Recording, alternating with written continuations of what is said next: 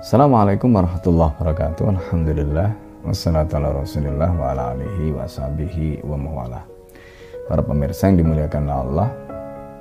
Ketika Umar bin Khattab dan Hamzah bin Abdul Muttalib masuk Islam, sekaligus menandai berakhirnya atau peralihan dari fase tafaul atau bidayah tafaul kepada tafaul tam permulaan interaksi dengan umat hingga interaksi yang dilakukan secara sempurna di tengah-tengah umat bagaimana uslub atau cara yang ketika itu dilakukan oleh baginda Nabi Muhammad SAW ketika mengawali proses transisi dari tafa, bidayah itu tafa'al menuju tafa'al tam ini. Ketika itu Rasulullah SAW mengajak para sahabat dipimpin oleh Umar bin Khattab di satu barisan, kemudian Hamzah bin Abdul Muttalib di barisan yang lain dan Rasulullah SAW memimpin di depan.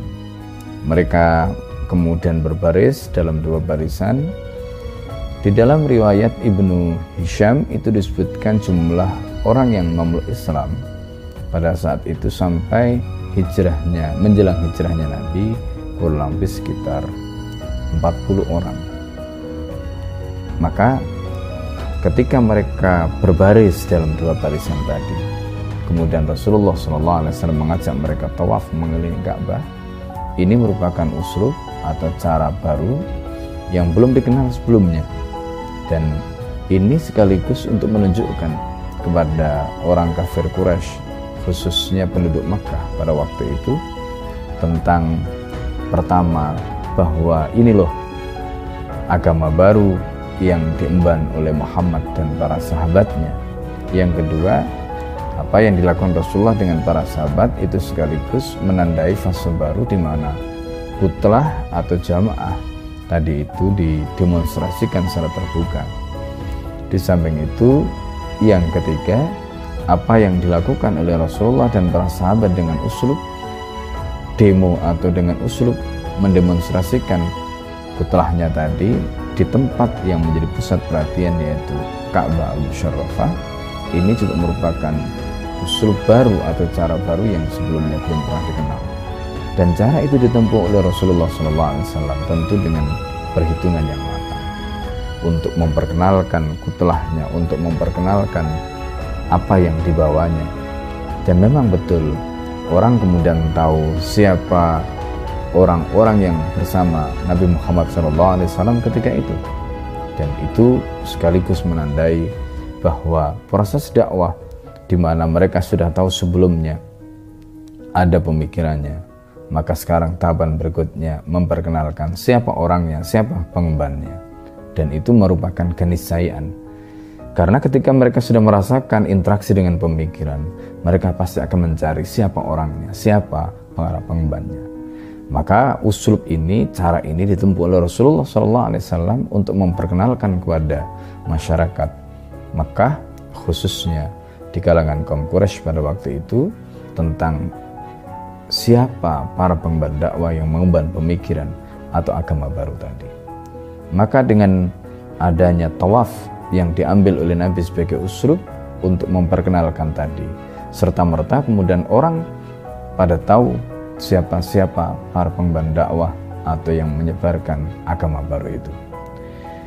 Maka ketika proses ini berlangsung, otomatis menimbulkan reaksi otomatis menimbulkan respon. Dan ini yang sekaligus menjadi perkara yang sebenarnya sudah dihitung oleh Rasulullah SAW sebelumnya. Artinya tidak mungkin Rasulullah SAW menempuh usul ini yang tentu sangat beresiko tanpa perhitungan. Maka semula Rasulullah menyiapkan mereka, akidahnya mereka ditempa, keyakinannya mereka ditempa, hidroksilah bilahnya hubungan mereka dengan Allah ditempa dengan kata lain meskipun mereka ini asalnya adalah seperti orang biasa tetapi mereka telah berhasil dibina oleh Nabi sehingga menjadi orang-orang yang bersaksi Islam menjadi orang-orang yang luar biasa dan ketika mereka ditempa oleh Nabi dibina oleh Nabi imannya dikuatkan dikokohkan oleh Rasulullah pada saat mereka sudah siap untuk melakukan pertarungan pemikiran, mereka sudah siap untuk menghadapi berbagai macam resiko dan konsekuensi dari dakwah tadi, maka perintah dari Allah tahun ketiga dengan turunnya surat Al-Hijr tadi itu datang dan mereka sudah siap menyambut perintah itu. Maka ketika uslub yang baru ini diperkenalkan sekaligus membuka siapa jadi diri mereka dan siapa siapa para pembantu dakwah tadi pada saat yang sama Rasulullah sudah menyiapkan orang-orang yang kelak akan mengemban dakwah ini. Karena Rasulullah sudah menghitung apa resiko yang akan dihadapi oleh para sahabat termasuk oleh Rasulullah SAW sendiri.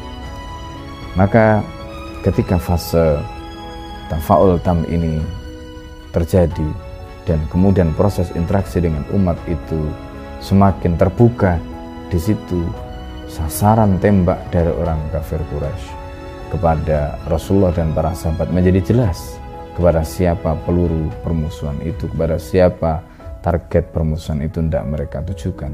Dan inilah sahabat-sahabat Nabi Shallallahu Alaihi Wasallam yang kemudian menjadi target mereka. Hadanallah wa yakum Assalamualaikum warahmatullahi wabarakatuh.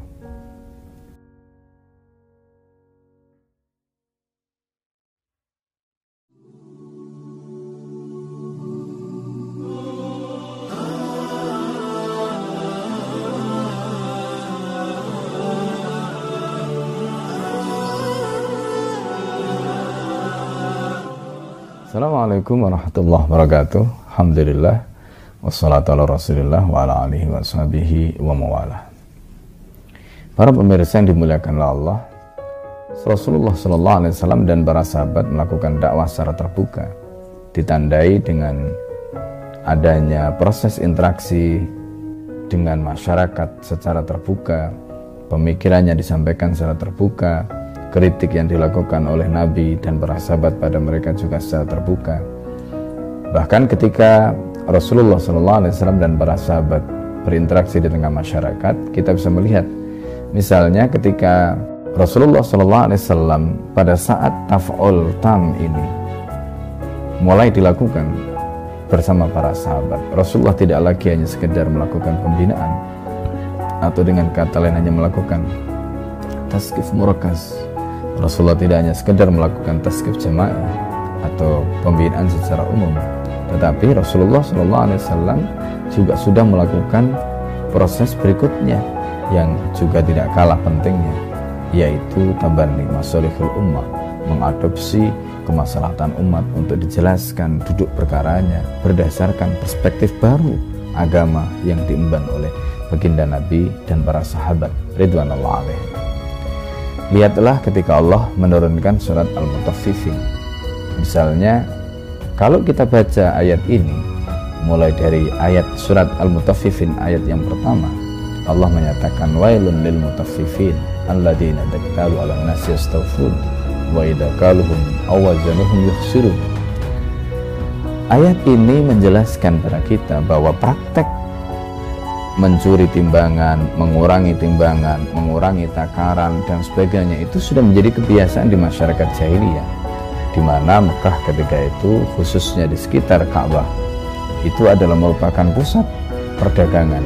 Di situ menjadi pasar di mana orang dari mana-mana datang ke tempat itu karena selain memang Ka'bah menjadi magnet, di sekitar itu ada pusat perbelanjaan atau perdagangan, maka di tempat itu mereka melakukan praktek penipuan mulai dari mencuri timbangan atau mengurangi takaran dan seterusnya. Tadi mereka lakukan maka ayat ini turun untuk membongkar praktek kejahatan yang mereka lakukan.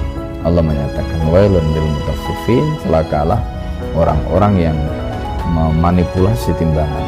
Alladzina idza talu ala nasi kalau mereka mereka itu uh, meminta ditimbangkan maka mereka yastawfun minta supaya timbangannya dipenuhi. Wa kaluhum tapi kalau mereka menimbang untuk orang lain maka uh, mereka justru mengurangi. Nah inilah ayat ini membongkar tentang kebiasaan mereka. Kalau kita membaca ayat ini apa yang disampaikan Rasulullah pada fase itu itu adalah merupakan bentuk tabani masorihil ummah. Artinya ada kemaslahatan umat dalam hal ini muamalah yaitu praktek jual beli khususnya dalam hal ini adalah mengurangi atau uh, mengkhianati apa yang menjadi uh, kejujuran atau amanah di dalam jual beli tadi. Seharusnya jual beli dengan timbangan yang benar mereka mendapatkan keuntungan tetapi karena ada praktek kecurangan di situ maka tentu ada kerugian di pihak-pihak yang menjadi korban penipuan tadi. Itu yang dibongkar oleh Allah dan itu yang disampaikan oleh Rasulullah sallallahu alaihi wasallam. Wa lil mutaffifin alladziina idza ktalu al-nas yastawfun wa idza kaluhum aw wazanuhum yukhsirun. Ala yadunnu ulaika annahum mab'utsun kata Allah. Mereka membayangkan bahwa mereka seolah-olah tidak akan dibangkitkan, tidak akan diminta pertanggungjawaban. Nah, di sini Allah menjelaskan bahwa Islam membangun paradigma perbuatan ini tidak hanya di sini, tapi perbuatan ini kelak akan diminta pertanggungjawabkan di akhirat. Bahwa mereka hidup di sini bukan hanya di sini, tetapi untuk nanti di sana di akhirat. Ini yang dijelaskan oleh ayat ini. Nah karena itu selain ayat ini mengkritik tentang praktek atau membongkar praktek kecurangan-kecurangan yang terjadi di masa itu, Ayat ini sekaligus juga mengokohkan membangun bagaimana seharusnya paradigma berpikir yang benar. Dan ini juga bagian dari bagaimana Rasulullah dan para sahabat tadi membangun peradaban baru yang ingin diwujudkan kelak kemudian setelah mereka mendapatkan kekuasaan di Madinah. Oleh karena itu, apa yang dilakukan Rasulullah Shallallahu Alaihi Wasallam pada fase tafaul tam ini dengan para sahabat dengan melakukan tabani masalah umat tadi itu sekaligus untuk meluruskan kebengkokan-kebengkokan. Dan posisi kutlah Nabi, posisi jamaah Nabi atau Hizbur Rasul di sini itu menjadi kawamul ummah wa mengoreksi termasuk apa namanya mengontrol pemikiran ummah kawamul ummah. Bagaimana mereka menjadi pengontrol umat umat yang salah dikontrol umat yang salah diingatkan. Itulah yang mereka lakukan dan inilah yang kemudian justru menimbulkan reaksi karena mereka yang selama ini sudah nyaman melakukan praktek itu merasa terusik kepentingannya. Akhirnya apa? Mereka-mereka yang kemudian kepentingannya merasa terusik tadi mulai mereka melakukan perlawanan. Maka yang terjadi kemudian akhirnya muncullah perlawanan-perlawanan dari mereka yang merasa kepentingannya dirugikan oleh dakwah Islam tadi. Allah wa Assalamualaikum warahmatullahi wabarakatuh.